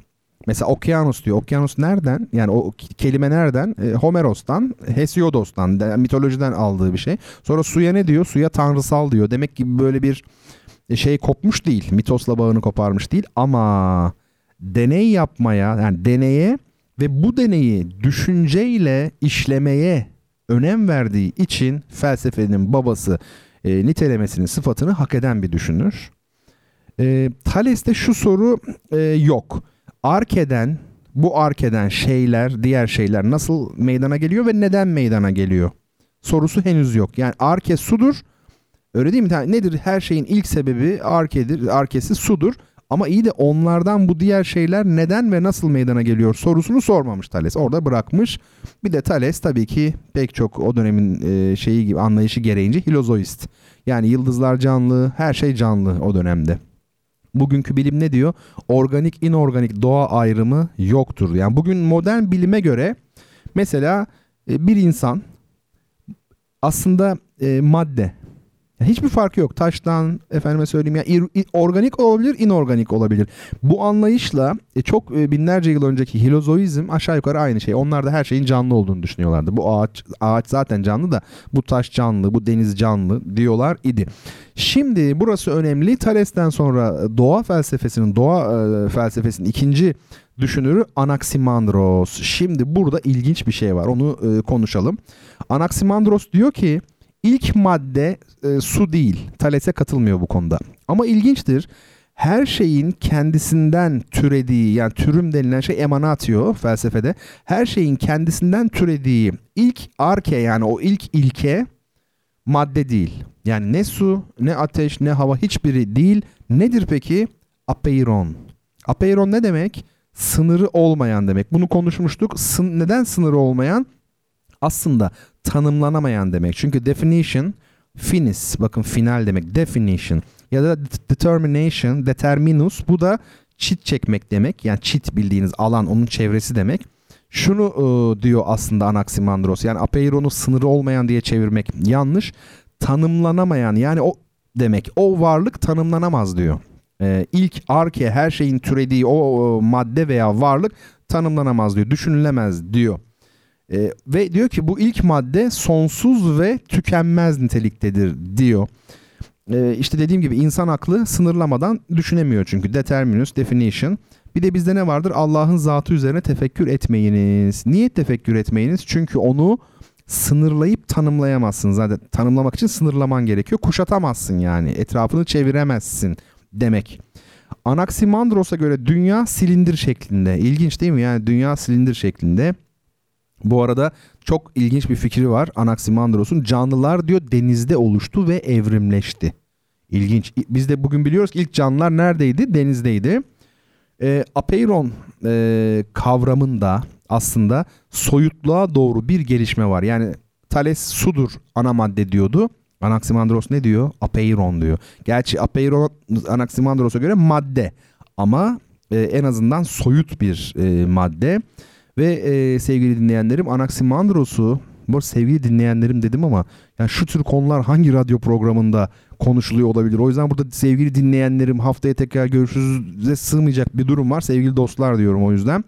Ee, onu Anaximandros'u gerçek bir düşünür yapan şey gerçekteki çokluğu hani hayatta karşılaşılan çokluğu düşüncede bir birliğe bağlamak istemesidir. Bu Anaximandros'u eşsiz yapan yöndür. Son düşünür, doğa felsefesinin son düşünürü Antik Yunan'da Anaximenes. Çok çok ilginç bir düşünür bana göre. Ee, o arke olarak havayı koyuyor. Yani bence diyor arke bütün varlıkların kendisinden türediği çıktığı şey havadır diyor. Tabi Anaximandros'a göre geri adım aslında bu değil mi? Yani çünkü o daha soyut bir kavram öne sürmüştü. Fakat Anaximenes'in iki düşüncesi var ki bunlar çok yeni. Aslında daha geri Anaximandros'a göre ama bu iki fikir çok yeni. Ne diyor biliyor musunuz? Ruh yani psike dediğimiz şey nasıl bizi ayakta tutuyorsa hava da kozmosu yani kainatı o şekilde ayakta tutar diyor. Aslında böylelikle ruh kavramı felsefede ilk defa ortaya çıkmış oluyor. O ana kadar kesinlikle ruh diye bir şey yok. Daha materyalist bir yönelim var. Ee, şimdi Yahudi Hristiyan geleneğinde şu vardır. Tanrı ruhtur diye açık açık yazar kutsal kitaplarında. Tanrı ruhtur. Mesela biz e, böyle bir şey söylesek bizim dilimizde bu şirktir. Yani Tanrı çünkü muhalefetün lil havadis yaratılmışların tamamından farklılık arz eder. Hiçbir şeye benzemez. O yüzden düşünmek de şirktir onun zatını. Çünkü mutlaka bir şeye benzeteceksin düşünürken ve şirke düşmüş olacaksın. Ama Hristiyan Yahudi geleneğinde daha doğrusu Yahudi Hristiyan geleneğinde Tanrı ruhtur diye tanımlanmıştır ayetle. E, ayrıca neyin ruhudur? Kainatın ruhudur. Yani nasıl insan bedeninde ruh varsa Tanrı da kainatın ruhudur. Bu düşüncenin temelleri Anaximenes'te. Bu arada farkındasınız çok fazla dini gönderme yapılıyor. Neden? Çünkü 1500'lü 1600 yıllara kadar hatta daha sonrasına kadar bence e, Batı felsefesi de olsa hiç fark etmez. E, tamamen din eksenlidir. Yani dinden kurtulması, dini tamamen terk etmesi ancak belli bir dönemden sonra olabilmiştir. Yani biz böyle bize çok modern düşünürler olarak öğretilen bazı düşünürlerin yazılarını okusak şaşırıp kalırsınız. Mesela Kant'ın eserlerinin başında bizdeki Bismillahirrahmanirrahim gibi işte Yüce Allah'ın, Yüce Tanrı'nın işte ismiyle başlıyorum falan. O dönemin şeyi bu, yapısı bu yani. Anlatabiliyor muyum? Bazen şaşırıyor insanlar ben böyle anlatırken. Ha bir de şu tarafı var. Bizim kendi e, dinimiz tabii en iyi bildiğimiz din ve onunla kontakt kurarak anlatırsanız felsefe tarihinde e, bu pek yapılmamış bir şey Türkiye'de. O zaman insanlar daha derinden anlarlar e, ve e, kontakt şansı artar. Bir şeyi bir şeye bağlamak çok güzeldir her zaman. Beste, Farsça bağlamak demek önemli. Şimdi ikinci şeyine, yeniliğine, Anaximenes'i büyük yapan ikinci şeyine, o Thales'ten farklı olarak ilk maddeyi canlı kabul etmediği için Thales'in sorma gereği duymadığı bir soruyu o sordu. Yani Thales kendisiyle aynı kalıp değişmeyen ama bir yığın farklı kılığa giren bu ana maddedeki bu değişim süreci nasıl gerçekleşiyor sorusunu sormamıştı Thales. Niye sormadı? Ana maddeden her şey değişiyor filan. Çünkü Thales'e göre ana madde canlıydı. Canlıdan bir şeylerin çıkması normal değil mi türemesi? Oysa Anaximenes ana maddeyi canlı kabul etmediği için bu soruyu sorma ihtiyacı duydu. E, madem ana madde canlı değil o zaman nasıl bu kadar farklı kılığa giriyor sorusunu sordu ve böylece madde kavramının e, belirlenmesine doğru aslında ilk e, büyük adımı atmış oldu. Diyelim Hani var ya radyo programda televizyonda falan diyelim ve şöyle devam edelim. Ne demek diyelim ya? Ona da bir selam göndermiş olalım. Ya gönderdim mi göndermedim mi? Ya gönderirsin ona selam. Ben de kendimi Yaşar Nur Öztürk gibi burada her şeye kızan var ya her şeye kızıyordu rahmetli. Peki şimdi biraz eğlenelim değil mi gecenin bu saatinde? Bu hani buradan şeyi koyalım nokta koyalım ama bak ben e, bak diyorum bakın efendim. Şimdi geçen e, hafta yapmadığımız için sizlere hatırlattım. Yani en başından birer cümlede olsa aldım. Siz de artık doğa felsefesinde Thales, Anaximandros, Anaximenes e, ile ilgili söylediklerimizi lütfen unutmayın. Bu programın tekrarı var. Ayrıca bir süre sonra SoundCloud'da olabiliyor. Oradan tekrar dinlersiniz ki haftaya felsefeye kaldığımız yerden devam edebilelim. Şimdi Üçüncü sorumuza geldik. Bir kitap daha gidiyor. Bir hilal uğruna ya Rab ne güneşler batıyor değil mi? Bir kitap daha göndereceğiz. Ay, bu soru çok acayip kolay oldu ama ne yapayım? Yine memleket soruyorum. Gölge etme, başka ihsan istemem sözleriyle tanınan dünyaca ünlü filozof Roman Diyojen nerelidir? Evet siz bu çok zor sorunun cevabını düşünürken aslında şöyle bir cihaz olsa kimler Google'a soruyor, kimler kendi biliyor mesela bu. Ben biliyorum kendi bilenler var. Onlar daha çok verelim değil mi? Kitap. Evet şöyle bir bakalım. Kimler e, neler yazacak? Evet. Var mı doğru cevap? Kim o düşünür? Elinde fenerle mi geziyormuş diyormuş ya bir cevabım var sorusu olan var mı diyormuş sokaklarda gezip ya böyle adamlar görmüş dünya. Ee, tabii şeyde Arşimet de galiba değil mi? Dürüst bir adam arıyorum diye böyle fenerle geziyormuş. Efendim e, Rabia bin Adeviye değil mi? O da ne diyormuş? Ee, cehennemi söndürmeye mi kovayla geziyormuş.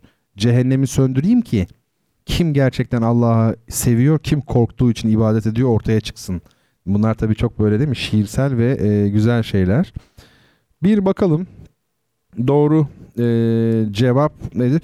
Meryem Betül Koçak demiş ki arke ve arketip arasında bir bağlantı var mıdır? Tabii ki olmaz mı? Arke işte eski temel olan, asıl olan demek ki arketip esas o tip yani arketip. Aynı aynı kök, aynı kelime zaten yani. Kamer Avşar demiş ki Sinop. Evet ya işte budur. Ben uzun zamandır farklı bir isme kitap hediye etmek istiyordum. E, Kamer Avşar e, Sinop cevabını vermiş. Bu arada kitap kazanan bütün e, dostlar e, yani adresleri olanlar ayrı ama olmayanlar bertanrona.gmail.com e, adresine lütfen e, göndersinler şeyleri e, biz de kendilerine gönderelim. Hüseyin Demir diyor ki sizin oralıymış hocam diyor. Evet Samsun'la Sinop yakın tabii. Sinop Türkiye'nin en güzel şehirlerinden biri. E, bence Türkiye'nin en güzel şehirleri yani gerçekten e, sorulursa e, Amasya ve Giresun derim. Giresun gerçekten çok çok çok güzel bir şehir. Tabii her şehirde hani ne yaşadığınız da önemlidir. Sizin için orayı güzel kılan. E, o ayrı ben hani şey olarak söylüyorum. Gerçekten e, coğrafyası, dokusu, mimari yapısı söz konusu olduğunda Amasya, e, Giresun harika şehirler. Sinop'ta çok çok çok çok e, güzel e, bir şehir. Peki efendim şimdi doğru cevabı dediğim gibi Kamer Avşar verdi Sinop olarak. Kendisine bir e, kitap göndereceğiz. Lütfedip adresini bize gönderir ise. Şimdi bir müzik e, dinleyelim sevgili dostlarım. Daha doğrusu o müzikle veda edelim artık çünkü e, saat ilerliyor. Biz ayrılan zamanın sonuna geldik falan. Değil mi? Hiç sevmiyorum yani böyle şeyleri. E, kind of Blue diye bir şey duydunuz mu? Kind of Blue duymadınız. E, aslında duymanız e, gerekirdi. Şöyle bu caz tarihinin number one albümü hani bir numaralı albümü caz, cazın zirvesi nedir diye sorulsa Miles Davis'in Kind of Blue albümü akla gelmelidir. Ben caz e, da çok iyi bilen biri değilim. Yani caz ayrı bir tabii branş. Caz tarihinin işte 3 aşağı 5 yukarı biraz biliyorum ama müziğinden anlarım tabii o başka bir şey. E, ama bunu biliyorum yani Kind of Blue caz tarihinin en büyük efendim e, albümü olarak kabul ediliyor çoğu otorite tarafından. Şimdi bu albüm e, şöyle söyleyeyim e, size. Bu albümde çalan bu 1959 galiba Kind of Blue'nun tam olarak tarihini sizler bakarsınız. E, efsanevi bir albüm. Bir kere albümde çalanlar e, hani Dream Team var ya Amerika Birleşik Devletleri'nin albümde çalanlar Dream Team zaten yani bu adamları bir araya getirseler Hani hangi parça olduğu falan belli olmasa bu adamlar çok iyi müzik yapar. Ona hiç şüphe yok. Bakın kimler çalıyor. Özellikle tabii caz bilenler anlayacaktır bu nasıl tipler bunlar. Miles Davis e, trompette, Julian Adderley alto saksafonda, John Coltrane tenor saksafonda, Wynton Kelly sadece bir parça için piyanoda ve Bill Evans bütün parçalarda piyano çalıyor. Paul Chambers basta ve Jimmy Cobb drums yani davullarda. Bu tabi e, muhteşem bir ekip. Bir kere Miles Davis var, John Coltrane var, Bill Evans var. Bu ne demek yani değil mi? İnanılır gibi değil. Galiba bu ekipte beyaz olan bir tek Bill Evans. Diğerleri hep e, siyahi e, müzisyenler. Şimdi buradan efendim e, bir parça dinleyeceğiz. E, nedir bu parça? Bu albümün açılış parçası. Çok ünlü So What. Nefis bir şey gerçekten. Caz neden önemli? Çünkü e, klasik batı müziğinin Avrupa'da modern e, evrede gelişmiş olan klasik batı müziğinin hesaba dayanan, aşırı matematik çalışmaya dayanan, kurallı e, yapısına karşı plastik kendiliğinden e, daha doğaçlamaya dayalı ve daha e, ampirik ve kokuya, renge, hisse dayalı bir müzik çünkü Miles Davis. Bu arada bir şey okumuştum çok hoşuma gitmişti. Miles Davis şimdi siz klasik batı müziği konserine gidiyorsunuz ya herkes böyle ip gibi e, dizilmiş böyle filan asla bir ses çıkaramazsın filan bölüm bittiğinde alkışlamayacaksın eserin sonunda alkışlayacaksın herkes böyle kurallı ciddi filan. E tabi caz konserleri öyle olmuyor şeye gidiyorsun yani müzik kulübüne gidiyorsun bara filan gidiyorsun. E, duyduğuma göre Miles Davis hayatı boyunca yani cazın en büyük ismi Miles Davis hayatı e, boyunca çalarken e, yüzünü dinleyiciye hemen hemen hiç dönmemiş hep arkası dönük çalıyormuş yani. Umurunda değil. Biraz da şey galiba bu beyazları hani atalarıma yaptığınızın intikamını alıyorum gibi bir şey herhalde. O çok hoşuma gidiyor yani. Mesela bazen bir bakıyorum Gonzalo Rubalcaba çalıyor. Böyle simsiyah adamlar tamam? Ama dünyanın en büyük caz müzisyenleri ve mesela Münih'te konser veriyorlar. E, bütün e, Almanlar, Avrupalılar oraya dolaşmış. Hepsi alkışlıyor falan. Ve Avrupalıların 3 tane yamyamı tamam kendi tabirleriyle yani ben öyle demiyorum da 3 tane yamyamı bu şekilde e, dinleyip onlardan müzik öğrenmesi çıldırtıyor beni. O kadar mutlu oluyorum ki anlatamam. Ve Miles Davis'in arkasını dönerek çalması da çok çok çok çok hoşuma e, gitmişti. Efendim şimdi bu gecelik bu kadar olsun mu artık? Bakın saat olmuş 12 2 saati bulur demiştim buldu. E, haftaya tabii şey yapacağız. Yine e, umarım yani bir aksilik olmazsa bilemeyiz çünkü hiçbir şey hiçbir şeyin garantisi yok. Beraber e, olacağız. Bana bertanrona@gmail.com adresine lütfen mail yazın. E, istekleriniz varsa şu konuyu ele alalım falan gibi yazabilirsiniz. Bir de bu programın kıymetini bilin. Çünkü bu program ne kadar devam eder bilmiyorum ama şu haliyle zannediyorum hiç yapılmayan bir, bir şey program. Sizler de hani hep toplaşalım burada arkadaşlarınıza falan haber verin. E, buluşalım yani çünkü e, cuma geceleri güzel oluyor böylelikle. Bir şeyler yapıyoruz, öğreniyoruz tatlı tatlı. E, falan filan. İşte durum böyle. Ben şimdilik müsaade istiyorum hepinizden. Bir şey unuttum mu acaba diye bir taraftan da size çaktırmadan düşünmeye çalışıyorum ama ne unutmuş olabilirim yani. Unutsam da telafisi var. Hepinizi ben hürmetle ve muhabbetle e, kucaklıyorum. Haftaya aynı gün ve aynı saatte yani Cuma e, 22.00'da sizlerle birlikte olabilmeyi ümit ediyorum. O zamana kadar hepiniz Allah'a emanet olun efendim. İyi geceler.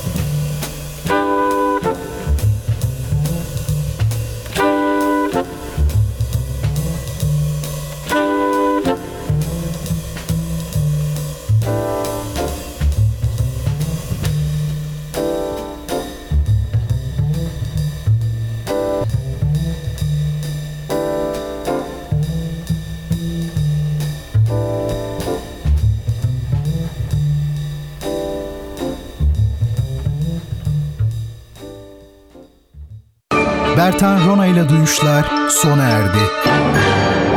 Bu program hakkındaki düşüncelerinizi dinleyen et radyogercek.com adresine mail atarak bize ulaştırabilirsiniz.